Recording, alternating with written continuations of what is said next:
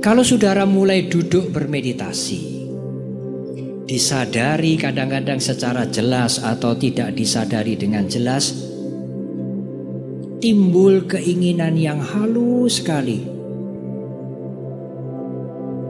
Aku ingin tenang. Aku ingin hening. Aku ingin mencapai sesuatu. Aku ingin bisa mencapai nyana. Buang itu ibu bapak dan saudara. Itu adalah keinginan.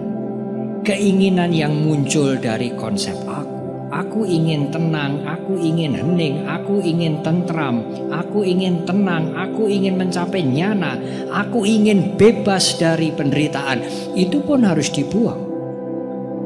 Karena keinginan-keinginan keinginan itu akan menimbulkan keakuan yang baru. Tetapi lalu bagaimana Bante kalau kita bermeditasi? Meditasi mulai menyadari apa yang bisa disadari, selesai.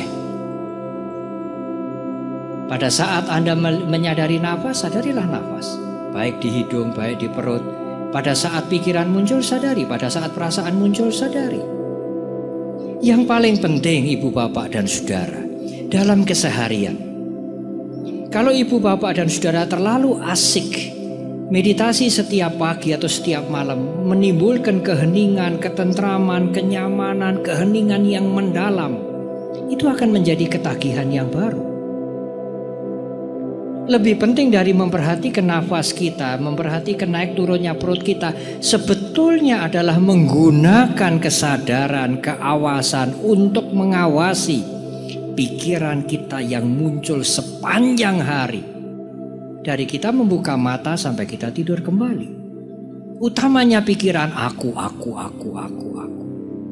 Dilawan bantai sekali lagi tidak. Diusir bantai sekali lagi tidak Direnung-renungkan bantai, oh aku ini harus dibuang. Tidak hanya aku mandi supaya badanku bersih, tetapi pikiran aku juga harus dibuang. Tidak perlu, tidak perlu mengundang konsep, mengundang pengertian yang macam-macam. Sadari saja. Tidak dikembangkan jelas tidak.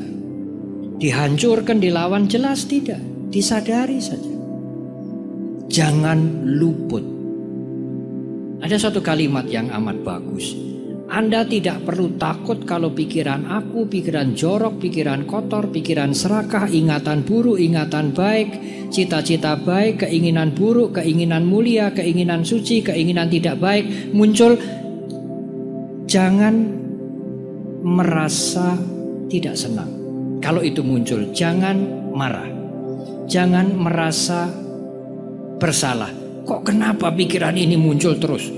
Aku menjadi umat Buddha sudah lama 10 tahun 20 tahun lebih Mengapa pikiran yang buruk Yang jorok yang tidak baik Hawa nafsu muncul terus Keakuan muncul terus Jangan merasa kecil hati Jangan merasa kecewa Yang penting adalah Kita akan merasa rugi Atau merasa gagal Kalau itu muncul Kita tidak aware Kalau itu muncul kita tidak menyadari apalagi membiarkan berkembang biak.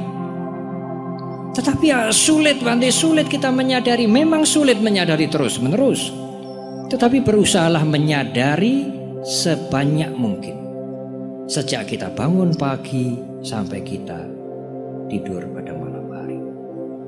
Keakuan tidak perlu diuarkan lewat mulut, tetapi keakuan yang muncul di dalam pikiran itu harus disadari tidak tenggelam dalam kenikmatan duduk bermeditasi menikmati ketenangan. Tidak hanya tenggelam memperhatikan nafas lewat hidung atau lewat perut kemudian timbul ketenangan, keheningan, kekusukan. Tidak, tidak. Yang sangat penting lebih penting dari memperhatikan jasmani kita, langkah kaki kita, nafas kita, perut kita adalah memperhatikan pada saat perasaan muncul. Senang muncul diperhatikan, tidak senang muncul diperhatikan, jenuh muncul diperhatikan, bosan muncul diperhatikan, pikiran muncul juga diperhatikan, tidak dilawan ibu bapak dan saudara. Perhatikan saja. Karena itu tadi Pak Gede mengatakan kesedihan bukan, kebahagiaan bukan. Kepuasan bukan karena target tercapai, Keka kegagalan bukan. Kami menggunakan puas istilah bukan bukan Bukannya bukan, tetapi perhatikan saja.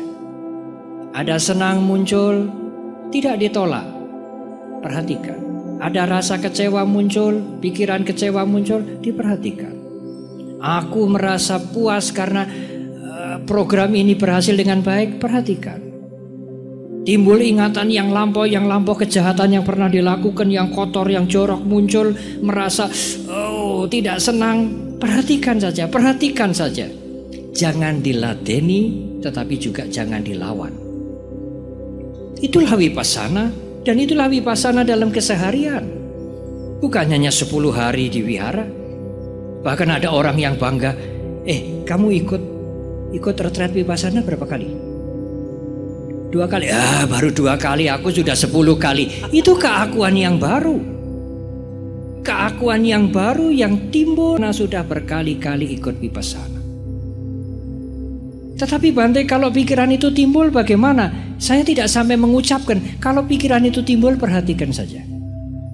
Aku merasa bangga karena punya kesempatan sudah 15 kali ikut wipasana. Ah, ah, pikiran-pikiran aku muncul. Perhatikan saja. Kalau tidak diperhatikan itu menjadi latihan kita gagal. Kita tidak menolak pikiran perasaan apa pun, ingatan apa pun yang buruk, yang jorok, yang jelek, yang kejam, yang suci. Perhatikan saja. Yang suci bukan, keinginan yang buruk juga bukan. Ingatan yang menyenangkan bukan, ingatan yang pahit juga bukan.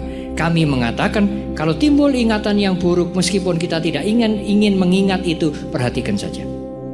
Kalau timbul ingatan yang menyenangkan meskipun kita tidak berusaha untuk mengingat kembali tiba-tiba muncul, perhatikan saja. Kalau timbul cita-cita ingin menjadi arahan, ingin menjadi suci, perhatikan saja.